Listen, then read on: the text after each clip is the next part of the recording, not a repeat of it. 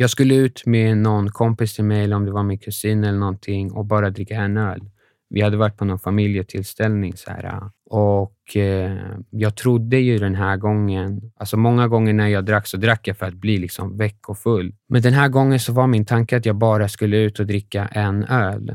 Och Jag trodde verkligen på det i mitt huvud. Jag ska ut och ta en öl, jag kommer tillbaka innan tio. Liksom. Och Det blev något helt annat, utan det blev liksom droger och alkohol och jag kom hem sent på, på morgonen därefter. Jag vaknade upp och var bakis. Liksom. Hon var lite förbannad, men det var inte som att jag hade så här superbrutal ångest, men det var som att the moment of clarity, bara det här, vad var det som hände? Och eh, jag frågade henne, tycker du att jag har problem?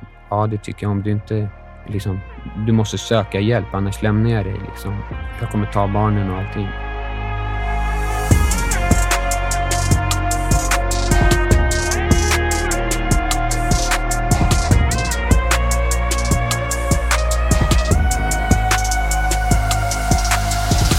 Ja, ni ska känna er varmt välkomna till ännu ett avsnitt av Hedén med Boman och Granander, en beroendepodd. Mitt namn är Nemo Hedén och jag sitter här vecka ut och vecka in och försöker bidra på det sätt som jag kan till att avstigmatisera, krossa tabun, sprida kunskap och hjälpa människor i den mån man kan.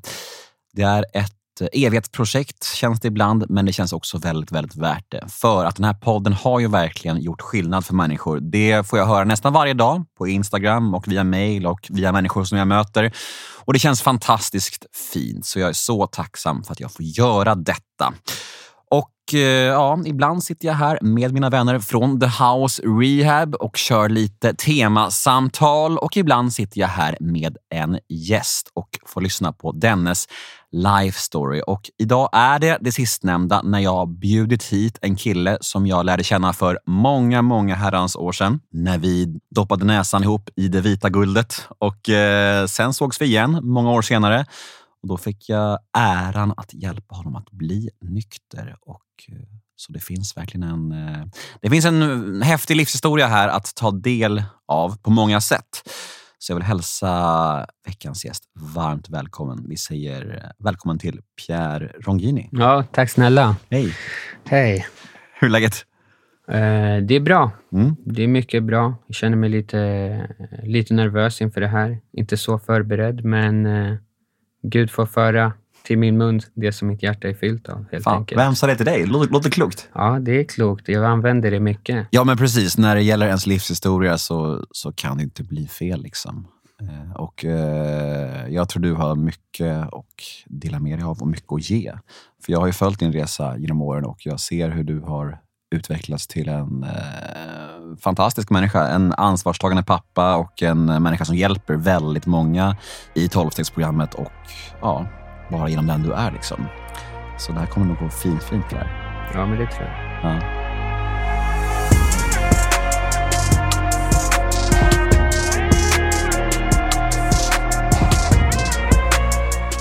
Vart eh, tar din resa sin början? Är du född i Gröndal? Eller? Örnsberg. Örnsberg. Ja. Berätta lite, vad var det för typ av familj som du föddes in i? Det är en mamma och en pappa. Jag har en lillebror. De är ganska vanliga föräldrar skulle jag säga. Min eh, pappa sålde mycket, liksom han hade en cateringfirma och sålde mycket korv och liksom smörgåsar och sånt då.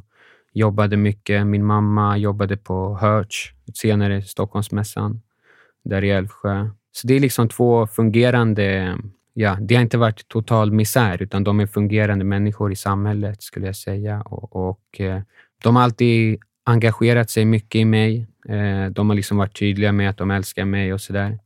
Men sen så är de inte heller helt perfekta, men de har många, många bra sidor. Liksom. Och eh, När jag var liten så var det mycket fotboll. Min pappa var fotbollstränare och, och liksom ordförande i, i klubben som jag...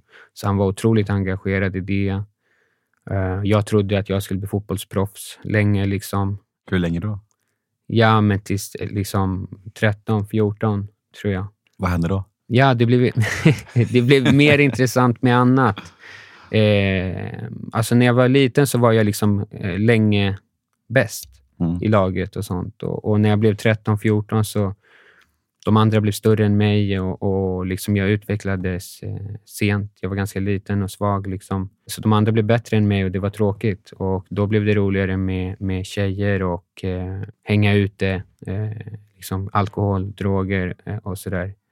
Upplevde du att eh, du var lik de andra som du hängde med eller skilde du dig från de andra när, när det kom till hur tidigt man börjar med alkohol och droger och så? Eller var, liksom, var det ungefär samma? Det var ungefär samma tror jag. Så jag sökte ju mig till människor och mina kompisar var ju liksom också oroliga barn, eller vad man ska säga. Så att eh, några var yngre än mig, några var äldre, men eh, mm. vi testade liksom tillsammans där. Typ. Mm. Dina föräldrar, du, ja. du, du, nämner ändå att det var en, en, en, relativt trygg uppväxt, får man ändå säga. Det var liksom här, me, medeltrygg, ska man säga det? Ja, medeltrygg. Det är faktiskt väldigt bra ja. ord. Var de, eh, uppmärksammade de eh, tidigt att du klev in i den världen eller var det liksom för dem bara, nej men det, han, är, han är ung, han får hålla på? Liksom. Eller hur var det? Nej, alltså jag tror att de har varit ganska naiva för hur det faktiskt har sett ut. Eh, sen har jag ju hamnat många gånger på Mariapol och liksom åkt fast. Polisen har kört hem mig och sådär. Så att, eh, det har de ju inte kunnat blunda för. Men min mamma sa ju det för ett tag sedan att hon kände sig dum eh, när hon lyssnade på en annan podd som jag var med i och hur det lät liksom, när jag förklarade. Att hon kände sig naiv. Liksom. Mm. Hon körde in mig till sjukhuset en gång och vi har kollat upp min näsa flera gånger med läkare och liksom sådär. Och hon har trott att det, varit, liksom, att det var, min näsa var trasig på grund av annat, men det var ju liksom för att jag drog så mycket kokain hela tiden. Mm. Så. Men det där är intressant och jag tror att det är ett drag hos då framförallt morsor, om man får generalisera mm. lite. För att jag eh, minns själv att när liksom när jag åkte hem till mamma och såg, sov av mina rus, och det här var ganska sent in i mitt missbruk. Jag var liksom, det här kanske var drygt två år innan jag blev clean. Liksom. Då kunde jag åka, åka till min morsa och, så här, och vila upp mig, sov, sova liksom, och, och, och, bara, då var det blodiga pappersrussar överallt. Mm. Liksom. Och hon, hon, hon, jag vet inte om hon vägrade fatta eller om hon liksom bara blundade för det. Eller hur, hur det, det, måste vara någon blandning. Alltså, man, man, kan inte tro det om sin son, man är medberoende. Det är någon blandning av allting säkert. Ja, det tror jag också. Alltså, det är en blandning av att kanske inte vara van vid liksom hur ett missbruk fungerar och eh, att man blundar för det. Tror mm. jag. Och att man litar på sin son blint. Liksom. Ja, exakt. Man ser bara det bästa mm. i sin son mm. eller nära vän eller vad det kan vara. Mm. Det är lurigt det där, när man fastnar i medberoendets eh, mm. våld. Liksom. Men vad det, när i tiden eh, kom du in i den här världen? Då? Hur gammal var du? Men Det var där 13-14. Mm. Eh, jag sökte ju annan bekräftelse och eh, jag började ju klottra, måla graffiti. Kände du ett starkt behov av att hitta någon slags tillhörighet? Liksom? Ja, jag fick ju den gemenskapen och också bekräftelsen från att synas. Alltså om man hade gjort någon, eh, liksom klottrat någonstans, om någon hade sett det. Eller liksom att man hade målat någonting, eh, någon vägg någonstans. Och, så fick man ju den här bekräftelsen av att okej, okay, jag såg den här målningen du gjorde. Och jag fick jättemycket nya vänner från liksom olika delar av stan. Så det finns absolut en gemenskapsgrej i den där graffitivärlden och också så här, någon sammanhållning, att säga, vi är lite underdogs utanför samhället eh. Liksom. Mm. Och, och, då kom jag in i det. Och Det började ju med graffiti och, och, att jag behövde bekräftelse. Men i den världen så ganska snabbt så liksom, ja, börjar man dricka, liksom, åka runt mycket, sno mycket. Eh, det var så här, sno tre femmer och, och sno sprayburkar och sånt var liksom, en, det var liksom coolt. Typ. Man levde lite sådär. Samband med det så också liksom testa lite hash. Eh, och sen efter det liksom tyngre droger också. Men eh, hade du någon särskild liksom moralisk kompass? Alltså Kände du så här, ja men kokain ska jag aldrig hålla på med? Eller var det snarare så här, fan jag vill testa allt? Nej, så var det inte. För mig var det så att eh, det började med alkohol och sen liksom att jag stod emot att prova hash och, och gräs ett tag. Jag liksom sa nej, men eh, sen föll jag för eh, liksom något halvår eller några månader. Att det erbjöds några gånger. Grupptrycket? Ja, men sen så när jag liksom hade gått över den så var det liksom mycket kortare till att våga prova kokain eller Mefrodon och vad det hette på den tiden. Det var mycket eh, kortare steg Mm. från att bara ha tagit alkohol. Mm. Gick det snabbt där sen? Alltså, alltså från liksom att knappt ha testat till att det liksom blev regelbundet? Ja, det gjorde det, skulle jag ändå säga. Vi hängde ju runt i gäng och sådär och jag hade ju två nära vänner som eh, sålde det där Mefrodon, Mm. eller krabba, räka. Min gamla huvuddrog. Mm, Mm. Exakt, så, och, och det blev eh, jävligt mycket. Mm. Alltså där körde vi liksom hårt på det. Eh, så det blev så här på helgerna. Hur gammal var du här typ? 15, 16, Mm. 17. Alltså det där, den vågen var ganska länge. Ja, Två, tre år liksom i alla fall. Den pikade väldigt hårt för att den var ju liksom laglig, Mm. fanns överallt, den var billig. Ja, man kunde beställa från Ja, nätet. Liksom. ja, det, kom, det kom, i brevlådan. Typ. Postförskott. Ja. Så jävla sjukt. Alltså man, behövde liksom, man, behövde, man, behövde, fan, man behövde inte ens vara 18. Liksom. Man behövde Nej. ingenting. Du kunde vara en 13-årig kille som... Nej, det var helt jävla knäppt. Och så, så blev det liksom olagligt. Och det enda som hände var att, att någon eh, professor i Kina byt- bytte ut en molekyl och så Mm. kom en ny variant som var snarlik. Liksom. Och, som, Mm. och som inte var olaglig ännu. Och så höll det på så där i flera år. För jag, jag följde den där vågen. Liksom. Ja. Körde varje kopia som var lik mefedron. Liksom. Mm. Eh, tills, tills, det var, tills det var väldigt lite rus kvar och bara massa konstiga bieffekter. ja. så jävla onajs. Det där var ju så, så starkt. Just det, den, Alltså, för, den första varianten ja. ja. Superstark alltså. Det där blev man ju liksom hooked på direkt. Ja, jag vet. Eh, Det bara, det bara, och just det här, det, det stank så mycket skaldjur och det frätte liksom i Ja. näsan. Det var som att man liksom så här, det bara brann i näsan. mm. Ja, det, var, märkligt att man... Det var smutsigt. Alltså, Det får man säga. Det var väldigt smutsigt. Man blev väldigt så här tjackad liksom, Mm. med, med käken och. Ja, och, och folk brukar prata om att ja, men alltså, Mariana, det, det, det är växter och så här. Då är ju mefedron i sådana fall det motsatta, för det är så mycket laboratorium som det kan bli. Det är, Ja. det är bara kemikalier rakt av.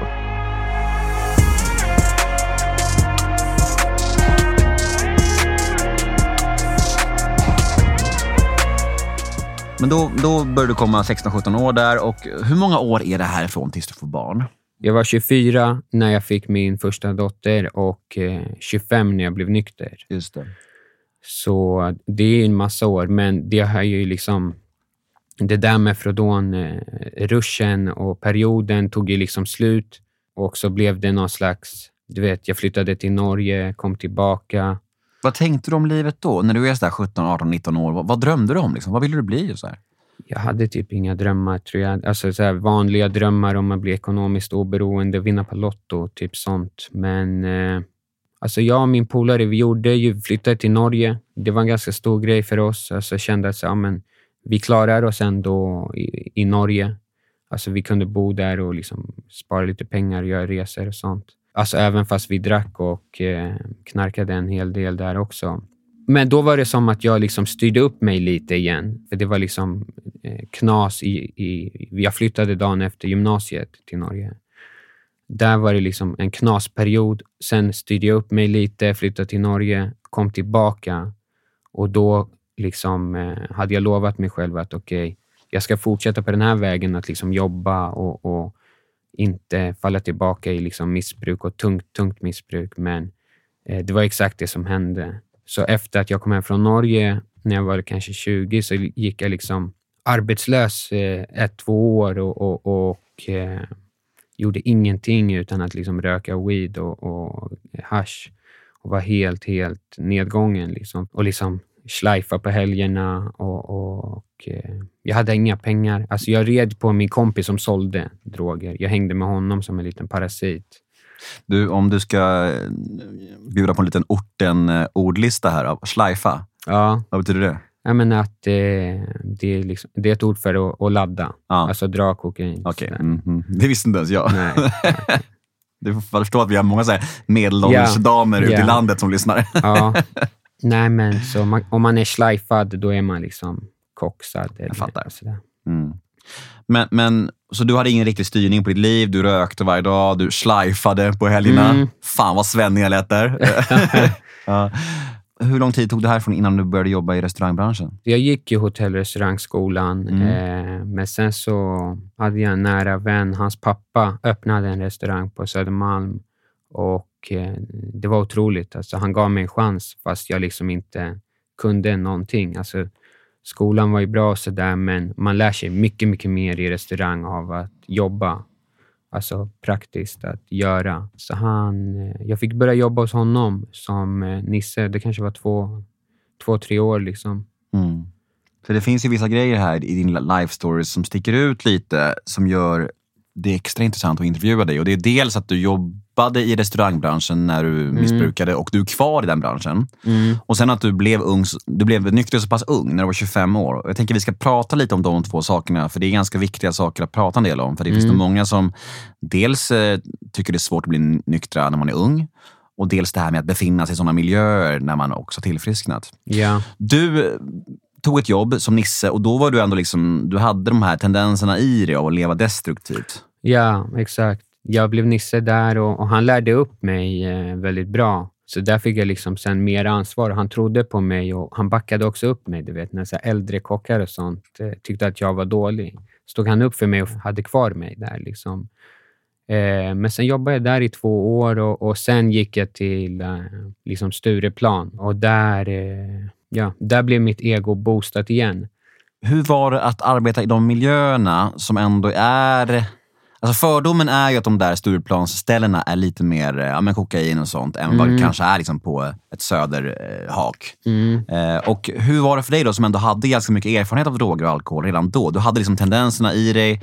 Hur, hur kändes det och hur gick det för dig? Jag har alltid kunnat jobba och sköta det där någorlunda, liksom, även om man har kommit trasig och så där till jobbet. Men jag hittade ju de på mitt arbete som eh, gillade eh, droger och liksom festa. Jag var ju 22, så det var ju mycket så här, människor i min ålder som vi liksom var ute varje söndag. Det är en så här kroggrej att man är ute på söndagar. Och liksom, man kunde dricka lite i smyg på jobbet. Så här. Det är inte helt, att, helt okej att man gör det. Eh, men det kunde jag göra. Åka hem, röka på. Men en liksom fördom som jag tror att många har om restaurangbranschen är att så här, alla är lite smått halvt alkoholiserade och den vill jag bara döda, för så är det liksom inte. Eh, Det finns såklart som i, i alla branscher, folk som kanske har problem och sånt, men det är väldigt mycket vanliga människor som också bara jobbar på krogen. Liksom folk som har familjer och fina hus i Tyresö och Bagarmossen och sådär. Mm. Liksom. Navigerade du liksom till dem Ja, som du kände var 100 lite sökiga? procent. Ja, 100 procent. Och eh, det var inget konstigt med det. Liksom. Jag tror inte att jag stack ut jättemycket. Nej. Men hur, hur fungerade det? Tog sig droger på jobbet? Ja, jag gjorde det. Ja. Jag hittade några som eh, gjorde det också. Men hur, alltså jag tänker bara på mig själv, att när jag var aktiv, alltså så här, att, att jobba, jag skulle bli så jävla paranoid. Du, Mm. du blev inte det? Eller? Jo, jag blev det. Jag trodde att jag blev bättre, men jag blev mycket sämre eh, på mitt jobb. Liksom. Och eh, Jag lurade mig själv på något sätt. Det var inte... Jag trodde det, att jag blev mycket bättre. Mm. Men jag var skitdålig servitör. Liksom. Har du fått något det bekräftat utifrån eller var det något som du bara kände själv? Sen? Nej, men jag, man känner ju liksom... Att man inte kommer ihåg saker och så? man blir knepig. Ja. På, alltså du vet, man blir, eh, jag blir liksom sluten. I, eller i slutet av mitt missbruk så blev jag ju inte så här som i början att jag fick självförtroende och kunde prata med folk, utan jag blev inåt. mm, verkligen. Eh, Mm, all, allt som man blev i början, det blev typ tvärtom i Mm. slutet. Men hur gammal var du när du började på Stureplan? 21 år var jag. Ja. Då är det några år tills du blir pappa där. Mm, Och eh, då träffade du en tjej också de, under de åren, eller hur? ja. Mm. Hur funkade det med eh, ditt, eh, din kärlek för alkohol och droger när du träffade en tjej som var väldigt långt från den världen?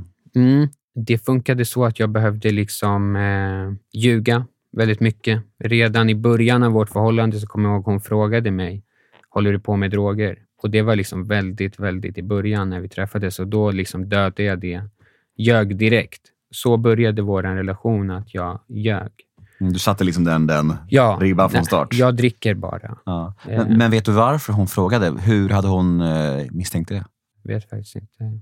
Kanske bara en background check. Liksom. Exakt. Dåliga erfarenheter, jag vet faktiskt inte. Mm. när vi träffades så kanske jag började dricka mer och liksom sluta med kokainet så mycket, kanske liksom speciella tillfällen eh, och sådär, men mer vardagligt drickande. Mm. Alltså jag hade al alkohol och sånt kunde jag ha, ha hemma. Kokain och sånt fick jag liksom gömma i eh, källaren eller på vinden och sådär. Så det var liksom otroligt jobbigt att behöva gömma det hela tiden. Eh, och Det var mycket eh, lögner. Men sam- sen så var det ju så här att jag försökte liksom skärpa till mig när vi träffades, men det kanske funkade ett tag. Sen blev det liksom mer eh, kokain och sådär igen i slutet. Det där är ju lite av en klassiker också, får Mm. man säga. Just när man, eh, om man har eh, en beroendeproblematik, att när man skaffar ett nytt jobb, eller skaffar en ny relation, eller Mm. skaffar en ny bil, eller vad som helst. När någonting Ja. stort händer i livet, eh, så kan man ofta styra upp sig ett tag. Mm. Att man lever på den hajen på något sätt, på ett annat sätt. Så, men, men, när det blir vardag igen och det liksom fejdas ut och det är så här, ja men okej, då kommer oftast eh, substanserna eller beroendet smygandes tillbaka. Det där är så jävla lurigt, för jag tror många kan lätt luras sådär. Bara jag får den där tjejen, bara jag får det där jobbet. Liksom så här. Det är en av mina starkaste illusioner, eh, om jag bara får den där tjejen. Mm.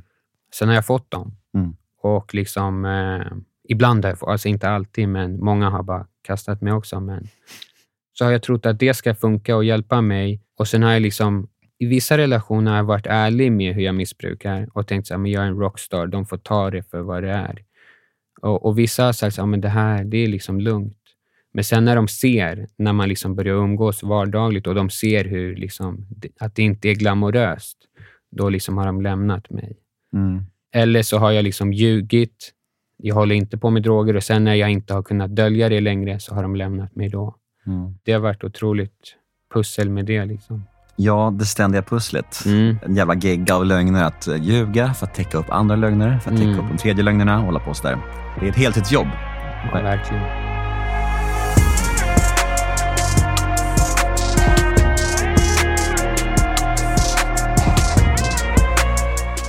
Men eh, du är 20, 21, 22 där. Du har börjat jobba på Stureplan. Du eh, har ett, eh, ja, ett eh, eskalerande inre kaos får man säga. Mm. Eh, hade du någon slags dröm och tanke om att bli en ung pappa? Eller var det något som bara kom? Nej, det har jag faktiskt aldrig haft.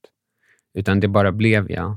Jag vet att kanske man inte ska dra den fördomen, men många tjejer kan ju ha den drömmen att så här, det enda, eller det är väldigt viktigt att skaffa familj och så. Så var det liksom inte för mig.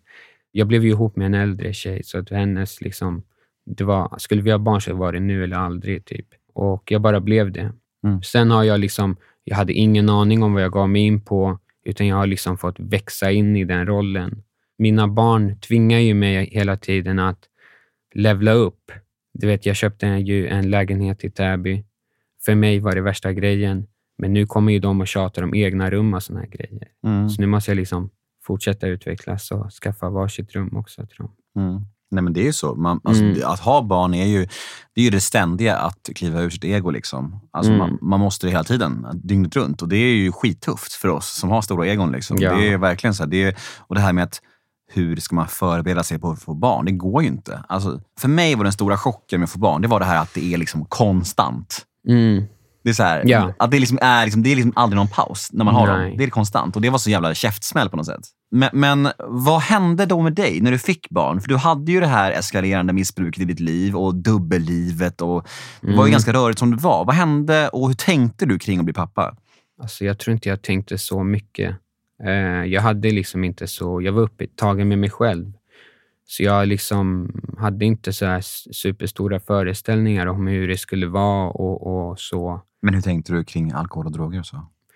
Ja, det. Men jag tänkte ju såklart att jag skulle liksom eh, skärpa till mig och sluta när eh, hon hade kommit. Men det som hände var ju att det blev liksom värre. Mm. Du som är också en känslig människa vet ju att man får ju liksom när, när man får ett barn, en dotter, det är väldigt mycket känslor. Det är ju liksom, en, en förlossning är ju bland liksom det coolaste och, och liksom starkaste jag har varit med om.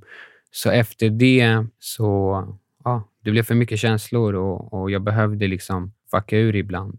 Även om jag kunde vara nykter ibland. Liksom, så här. Så du använde små så här, alkohol och drograce för, som en slags Ja. ventil för att andas? Typ, eller? Exakt, Mm. exakt.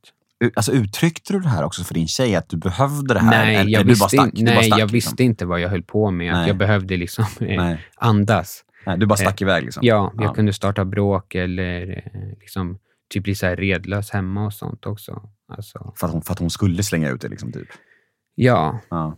eller jag kunde liksom kolla på Djurgården och dricka så här Captain Morgan klockan tre en söndag. Alltså, det var liksom inte normalt. Nej. Vad gjorde det här med er relation? Jo, det var ju så att när jag kom på mitt första tolvstegsmöte så fick jag liksom någon slags... Då hade jag ljugit så länge för henne och, och det var liksom, jag mådde så dåligt. Så jag blev liksom chockad av ärligheten i, på det mötet och i de rummen. Att jag gick och liksom var ärlig med henne och berättade, vet du vad? Hon visste att jag skulle gå på ett sånt möte, men hon trodde bara att det var alkohol jag hade problem med. Men efter det mötet så berättade jag för henne att eh, jag också hade liksom, eh, ett missbruk med kokain då framför allt. Och det gjorde med vår relation, alltså hon kände sig otroligt, otroligt dum. Och då blev det typ som två, tre månaders långt polisförhör liksom med att säga, okej den där gången när vi var i Göteborg, hade du med dig då? Eller när vi var där, hade du med alltså så här. Och då var det så här skamligt att bara, ah, ja, guilty den gången, ja, stämmer. Liksom. Så att många av våra såna här, alltså fina minnen och sånt har liksom blivit förstörda på grund av att jag liksom har knarkat i smyg. Mm. Så det förstörde vår relation mer eller mindre och, och eh, samtidigt så jag, jag hittade ju någonting i de där rummen, en, en kraft. Eh, alltså jag, jag skäms inte. Jag började tro på Gud. liksom. Och det är svårt när någon inte tror på Gud och en gör det. Alltså, så som jag själv uppfattar min egen Gud. Då blir det en krock. Hänger du med? Jag kom ju hem och liksom bad sinnesrobönen och sånt. Och hon tyckte det var weird. Liksom. Ska vi berätta för lyssnarna hur du hittade in i tolvstegsgemenskapen? För det finns ju olika vägar in i den världen. Mm, Och varför det var just då? Mm. Det är också ganska mysigt att höra den historien. För jag, jag vet ju det, men, det, att det just inte var något speciellt som hände då. Ja, det, så. Ja. Nej, men det var... Jag skulle ut med någon kompis till mig, eller om det var min kusin eller någonting, och bara dricka en öl. Vi hade varit på någon familjetillställning. Så här, och eh, Jag trodde ju den här gången... Alltså Många gånger när jag drack så drack jag för att bli liksom väck och full. Men den här gången så var min tanke att jag bara skulle ut och dricka en öl. Och Jag trodde verkligen på det i mitt huvud. Jag ska ut och ta en öl, jag kommer tillbaka innan tio. Liksom. Det här kommer bli en snabb öl bara. Och Det blev något helt annat, utan det blev liksom droger och alkohol och jag kom hem sent på, på morgonen därefter. Eh, och Då vaknade jag upp och, och det var liksom inte supermärkvärdigt. Jag vaknade upp och var bakis. Liksom. Hon var lite förbannad, men det var inte som att jag hade så här superbrutal ångest, men det var som att the moment of clarity, bara det här, vad var det som hände? Och eh, jag frågade henne, tycker du att jag har problem? Ja, det tycker jag. Om du inte liksom, du måste söka hjälp, annars lämnar jag dig. Liksom. Jag kommer ta barnen och allting. Så att då var det så, okej, ja, jag har problem. Det här var inte vad jag trodde skulle hända igår. Och eh, då sökte jag till, eh, jag visste ingenting om tolvstegsprogrammet, så jag ringde Capio Maria, bokade en tid där. Och där, man brukar ju prata om ärlighet i de här rummen. Och där, så liksom mitt första stegsprocessen hade redan börjat. Att liksom jag erkände för mig själv att jag var maktlös och inte kunde hantera mitt liv och att jag var en alkoholist. Liksom, för att jag hade redan bestämt mig innan att jag skulle vara ärlig med henne som jag träffade där. Och eh, Vi träffades två, tre gånger. Jag berättade hur jag använde liksom, alkohol och droger. Och hon, eh, ett, andra eller tredje gången så sa hon, vet du vad, det finns någonting som heter tolvstegsgemenskap. Och, eh, så hon följde med mig. Det började om 15 minuter, sa hon till mig. Jag kan följa med dig om du vill. Och där var det så coolt, för hon hade liksom skickat dit andra innan mig. Så, så hon följde med och bara, ah, “Tja, läget? Hur är det? Kul att se dig. Kul att det går bra.” till de medlemmarna. Och de liksom välkomnade mig och eh, ja, du tog också hand om mig och, och så. så att, ditt första möte? mm, Där satt, där, där, där satt jag. ja, Ja, det var fint. Exakt, det, det är ja. väldigt fint att se folk eh, som man känner igen från det förflutna mm, stiga in där som små skakande asplöv. Liksom. mm, Så får man följa dem och se hur de utvecklas eh, till eh, stabila, trygga varelser. mm. Som du själv eh, brukar nämna, att det är, det är nästan den största behållningen med hela det här. Ja, Det är ju det. Det är ljuspunkten i våra liv, Verkligen. som det står i vår bok.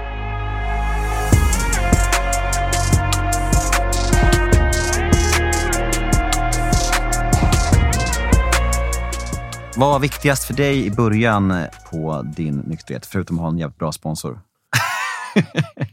ja, men det var mycket möten. Mm. Alltså 100 procent mycket möten. Jag gick ju på eh, möten varje dag, liksom mm. ibland två gånger om dagen. Komma in i, i gemenskapen, få nya vänner. Alltså för mig, jag klev ju in och, och liksom fick nya vänner och tog för mig och så där, gjorde service och sånt, kokade kaffe.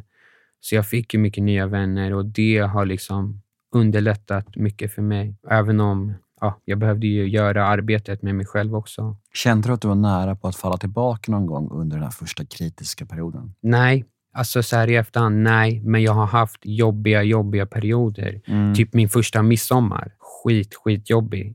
Skit nere, skiträdd. Men då var det en kille på ett sånt här möte som jag liksom, jag hade åkt in på ett möte för jag kände mig så rädd och visste inte vad jag skulle göra. Men då var det en kille där som bara, vet ni vad? Det, efter det här så ska vi, liksom, jag och min familj och några härifrån, eh, grilla och fira midsommar. Om någon vill, vem som helst kan få följa med. Mm. Eh, och då jag bara, okej, okay, ja, jag följer med. Liksom. Så vi då liksom drog till någon gård på Söder och, och grillade med massa nyktra människor. Mm. Och eh, Jag fick träffa hans familj och fru och barn. Och så där. Så då kändes det som en trygg eh, plats att vara på. Mm. Det är så himla fint, det som du är inne på där, att det, om man vill bli nykter och om man vill göra den här resan mm. så finns det så mycket hjälp att få. Det finns så mycket support och stöd och alternativ och umgängen och allt sånt där. Det finns en hel mm. uppsjö av det, om man vill det. Liksom. Exakt. Och, och eh, Jag gillar ju fotboll jättemycket. Jag fick två nya nyktra kompisar att gå på fotboll med. Så att liksom, eh, fotboll var förknippat för mig med liksom alkohol och droger väldigt hårt. Liksom. Eh, så då fick jag två nya vänner där. Vi kunde gå på fotbollen tillsammans. Så att, ja. Jag tror många är nyfikna på det här med din arbetsplats också. Mm. Att du ändå hade en arbetsplats som var starkt förknippad med ditt användande av droger. Hur, hur resonerade du där och hur, hur gick det? Nej, men när jag blev nykter så eh, då hade jag ju blivit pappa och sådär. Så då i början jobbade jag bara, eh, restaurangen som jag jobbar på har liksom öppet nästan 24-7. Så då jobbade jag frukost och lunch bara i början. Alltså länge, alltså ett och ett halvt år, två år kanske, i början av nykterheten. Och Det gjorde det enkelt för mig. att så här, ja, men Då serverar du liksom inte så mycket alkohol. Då kanske det är en mellanöl någon gång ibland. Men sen är det liksom Cola Zero och Ramlösa du serverar. typ. Mm. Eh, men sen så blev jag ju liksom starkare i mig själv och nu jobbar jag på kvällar och, och jag jobbar dag och kvällar och helger för att få det att gå runt ekonomiskt. Liksom. Men jag gick till mina chefer och berättade, vet ni vad, jag har problem med alkohol och droger. Jag vill inte jobba kvällar. Och de bara, ja men coolt Pierre, nice att du säger det. Mm. Jag var ju supernervös för att de skulle säga, vad är du för någon? Alltså så här, döma mig, men de gjorde inte det. Jag är tacksam för det.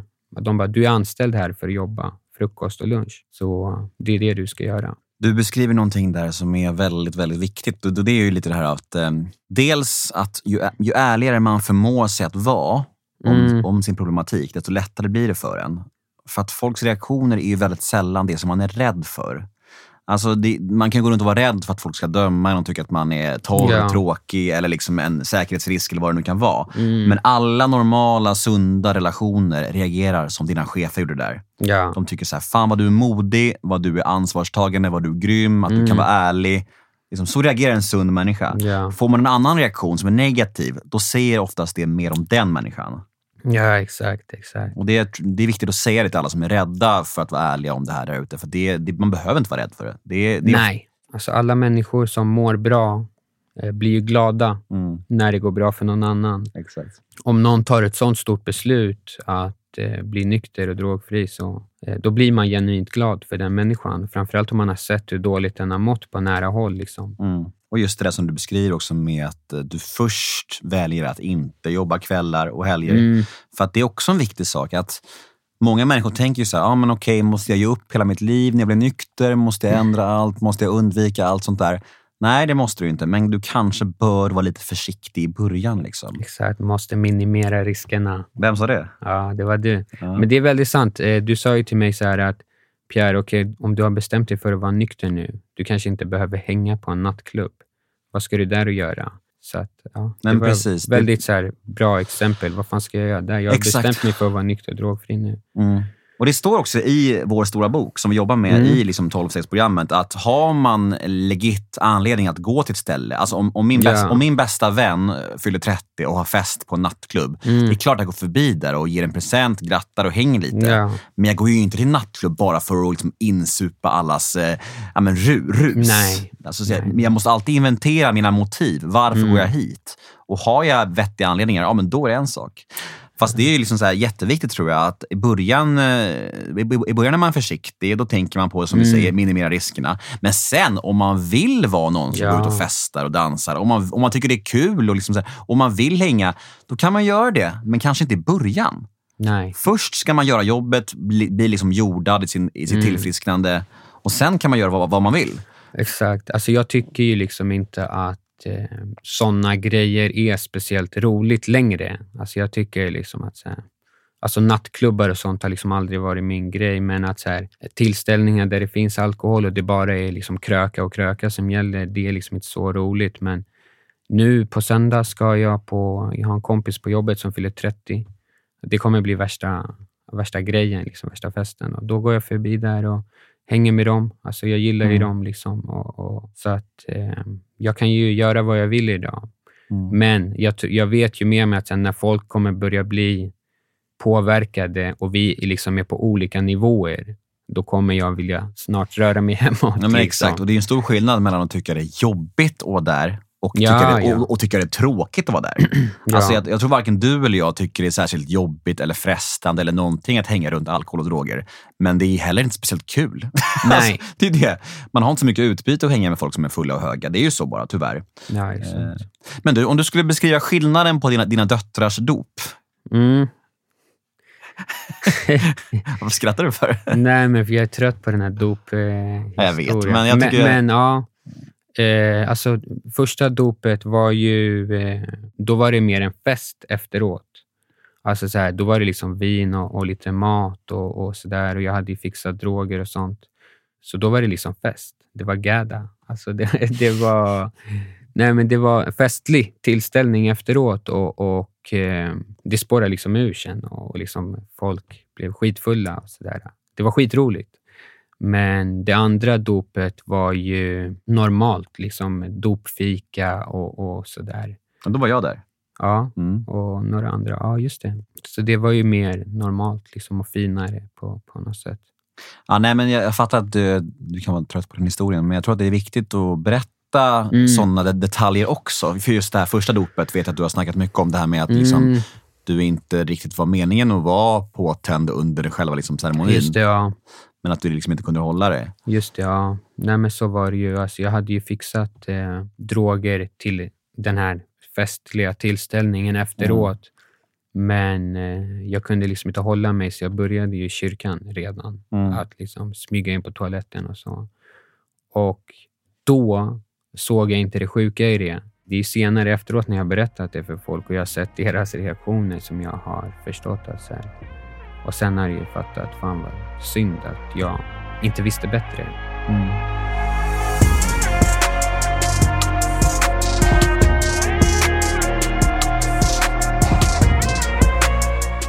Men du, ska vi prata lite om det här med eh, tro? Mm, gärna, jag älskar det. Mm. Ska vi prata lite om det på dels på ett sätt som är lättbegripligt för folk som tycker det är främmande och läskigt, men också hur det liksom kan utvecklas och förändras med åren. Mm. Om du jämför, hur, hur kunde du ta det till dig när du kom in liksom, och hur ser det ut idag? Jag kom ju till de här mötena och såg att eh, de här människorna, du bland annat och, och alla andra där, var väldigt hjälpsamma. Och det var ju något nytt. liksom. Eh, de, ni var hjälpsamma och såg ut att må ganska bra. Och jag förstod att så här, de här var nyktra på riktigt. Jag fattade att folk inte ljög. Liksom. Så tron i början på liksom en, en högre makt, det var liksom gemenskapen, att det här, jag kanske kan bli nykter och få ett bra liv om jag gör det här.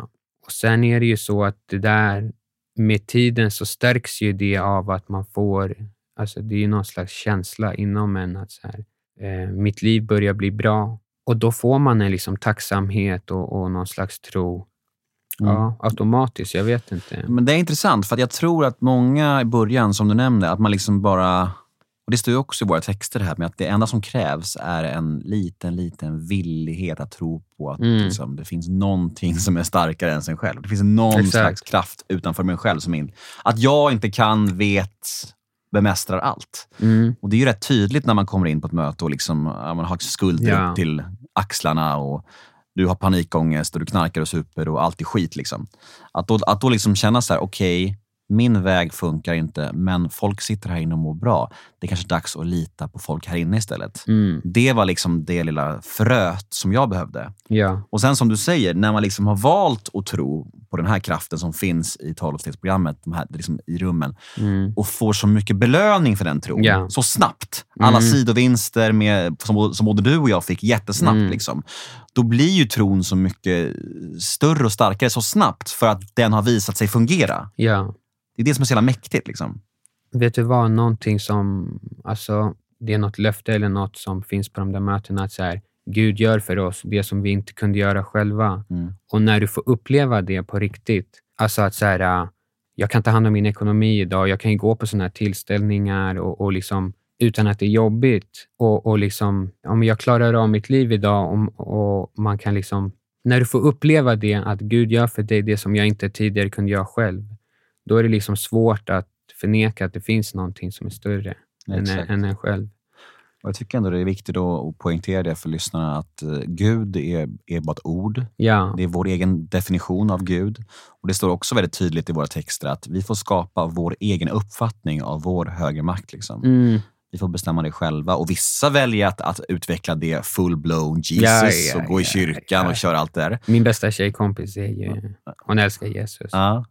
Men det, är, det är underbart. Och, och, och jag tänker att alla får göra som de vill. Alla liksom gör det som fungerar för dem. Mm. Det enda viktiga med det här är att man ska börja tro på någonting annat än sig själv. För att vår väg har inte funkat. Man behöver liksom inte göra det svårare än vad det är och, och liksom fastna på ordet Gud, för det är bara ett ord. Det handlar, liksom om, det handlar om en kraft bara. Och Det är fint tycker jag. Och jag tycker att det är, för jag har sett att din tro har liksom blivit starkare med åren och det kanske beror lite, lite på Jenny också. Eh, ja, kanske, men alltså folk i Sverige kan ju bli, jag tror här i Norden framför allt, att man kan bli ganska rädd av liksom Gud, att det är något så dåligt med det. Men kollar man runt om i världen så är det ganska normalt att folk tror Mm. På någonting. Liksom. Jag tror att det är själva ordet Gud som folk ryggar tillbaka av. Ja. Det, är så, det är så jävla laddat i Sverige. Ja, exakt. Eh, hade det varit ett annat ord i tolvstegsprogrammet, Mm. eh, att man bara hade sagt högre makt eller högre kraft, då kanske det hade varit lite lättare att, att, att ta in för människor. Jag har ingen aning. Nej. Men, men det är någonting som folk fastnar på och jag tänker att det, är ju, det, bör, det ska man inte göra. För jag, jag är i mångt och mycket samma människa, även fast jag är en helt annan människa. Liksom. Mm. Alltså jag, alltså om jag hade fått en, liksom en bild av någon som tror på eh, någon slags högre makt eller högre kraft innan jag blev nykter, då hade jag sett en, så här, ja, men en, en galen, knäpp, Ja. andlig gubbe med långt skägg som bara så här, halleluja. Liksom. Mm. Satt i lotusställning. Och, ja, men det är inte det jag har blivit. Liksom. Och tolvstegsprogrammet, det är ju liksom, vi pratar om en andlig lösning. Det är inte en religiös grej. Exakt, exakt. Och det är en ganska stor skillnad också där. Ehm, vi ska plocka in eh, mina vänner från The House Rehab, Robert och Felix, för att svara på en lyssnarfråga. Och det segmentet heter, som ni vet, The House svarar.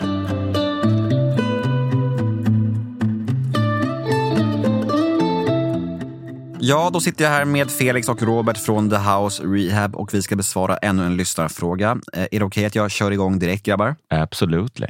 Det tycker jag du vill inte fråga hur vi mår menar du, eller? Nej, men jag gör ju det varje vecka och jag tänker att ni mår ju alltid bra ändå. Ja, nästan alltid bra i alla fall. Mm. I alla fall på de dagarna vi är här. Ja, vad fint att höra. Och jag är så glad över att ni oftast mår bra. Vi kör frågan då. Kör. Hej! Jag vill först och främst tacka för en väldigt fin podd. Och det är så här att jag har en fråga gällande alkohol i mat.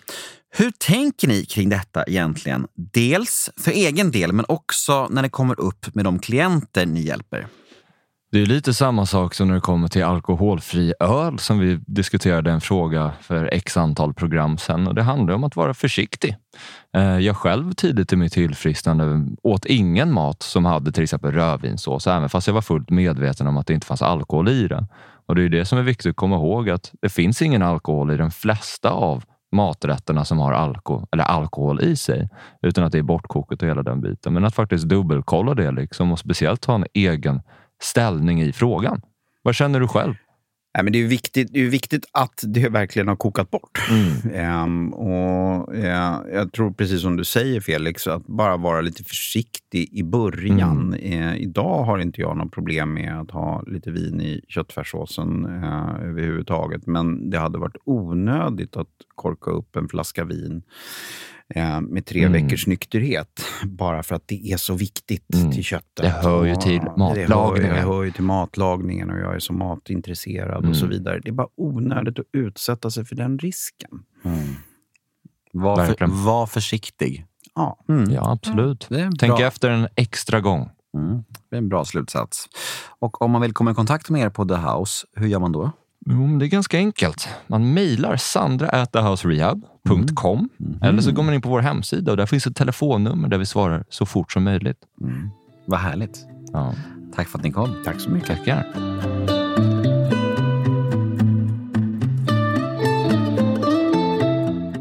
Mm, tack grabbar. Hoppas du som ställer frågan är nöjd med veckans svar. Jag sitter här med Pierre Rongini, min allra första sponsi i 12-stegsprogrammet.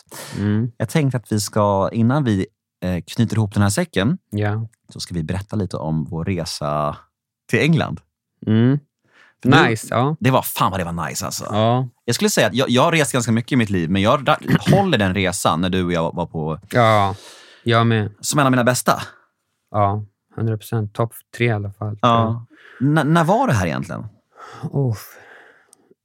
Du var ganska färsk. Du Ja, var... jag hade ett eller två år i nykterheten bara. Men vi åkte ju till London då för att eh, vi bokade den här resan långt innan för att Mm. vi ville åka och se Zlatan. Just det. Och Det här var innan han blev delägare i Hammarby. Skulle aldrig åka och se han nu. Men eh, sen så blev han liksom skadad med knät där. Och, eh, men vi åkte till London. Vi var i Wembley, Just det. Tottenham, liksom United där. Vad var det mer? Sen var det något så här... Vi såg alltså tre matcher Mm. på tre dagar på Englands tre fetaste arenor. Ja. Vi såg eh, Manchester United på Old Trafford. Mm. Vi såg eh, Arsenal, Tot... Nej. Liverpool, Ja, Tottenham. Liverpool, Tottenham på Anfield. Mm. Och vi såg... Eh, Rad ett stod vi där. ja, just det. Man bara, Hugo Lloris, wow. ja, och, och så var vi på Wembley också. Ja. Wembley, Old Trafford och Anfield på tre dagar. Ja. Och det var alltså, otroliga matcher. Att vi ens kunde synka ihop det. Ja. Men nog om fotbollen. Alltså, Ja, det var exakt. ändå, vi gjorde ju massa andra Ja, vi var- saker också. Vi var på massa tolvstegsmöten Mm. och vi rände runt där och var, ja, men vi var liksom så här, du hade just blivit, blivit klar med steg 12 och vi var så lite höga på livet och Mm. mådde helt bra. Liksom. Mm. Och så var det en incident då som, som var väldigt speciell. Det var ju när vi, eh, vi kom till, till London tror jag och, och visste inte riktigt hur vi skulle hitta mötena. Så Nej. vi slog upp möteslistan i, Ja. på CAs hemsida och hoppade in i en Uberbil och bara sa till chauffören så här, men den här adressen. Och det var en lång jävla resa. Ja. Det var typ en timme Mm. taxi ut till liksom London-förorten, Southern. ja. Eh, och då hamnade vi i en liten lokal och eh, vad hände där? Jag kommer ihåg att det var så här, det satt någon skruttig lapp där utanför med något telefonnummer. Typ och så här, ja, men välkomna till det här mötet. Och eh, vi går upp där och eh, det skulle vara talarmöte ju. Mm. Det var ju det som var otroligt och eh, talaren som skulle tala hade liksom gjort en no-show och inte dykt upp. Eh, och då frågade de ju dig om du kunde.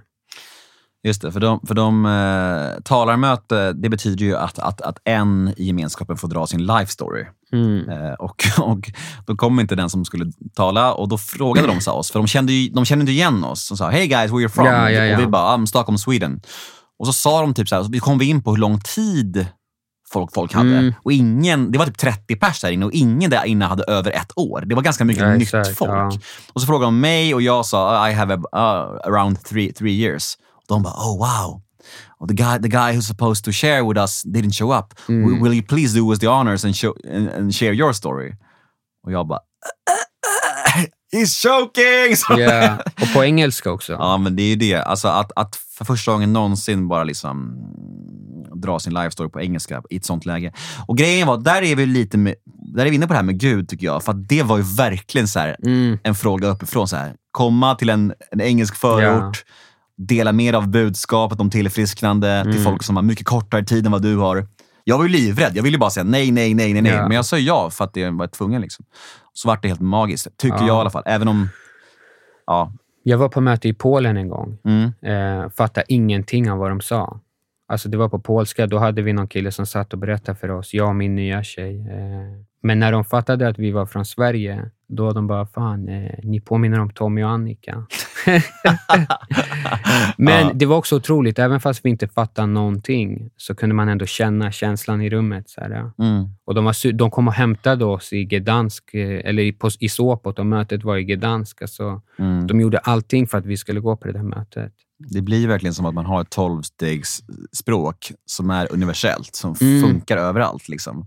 Och Det var väl samma i England, att han, de körde väl också oss där.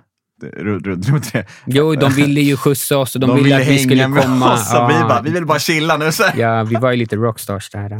Men eh, Ja, vi måste göra om en sån resa någon gång. Ja, Italien då, tror jag. Ja, kanske. Men de har inga CA-möten där. Nej, jag vet. Ja, se. Men ändå. San Siro. Ja, kanske. Du får, ja, det- kan du locka med Zlatan, då vet du du har mig ändå. Det är det. Ja, men det, det går emot min moral nu. Ah, ja.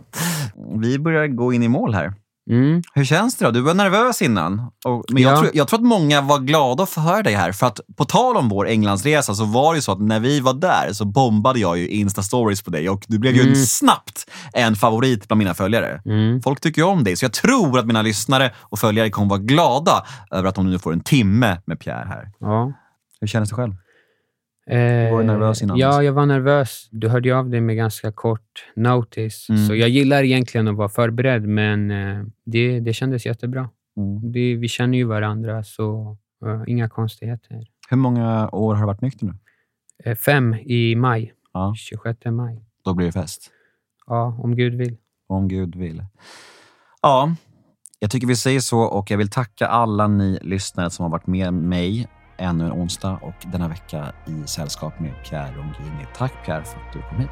Tack snälla. Vi hörs igen nästa onsdag. Hej!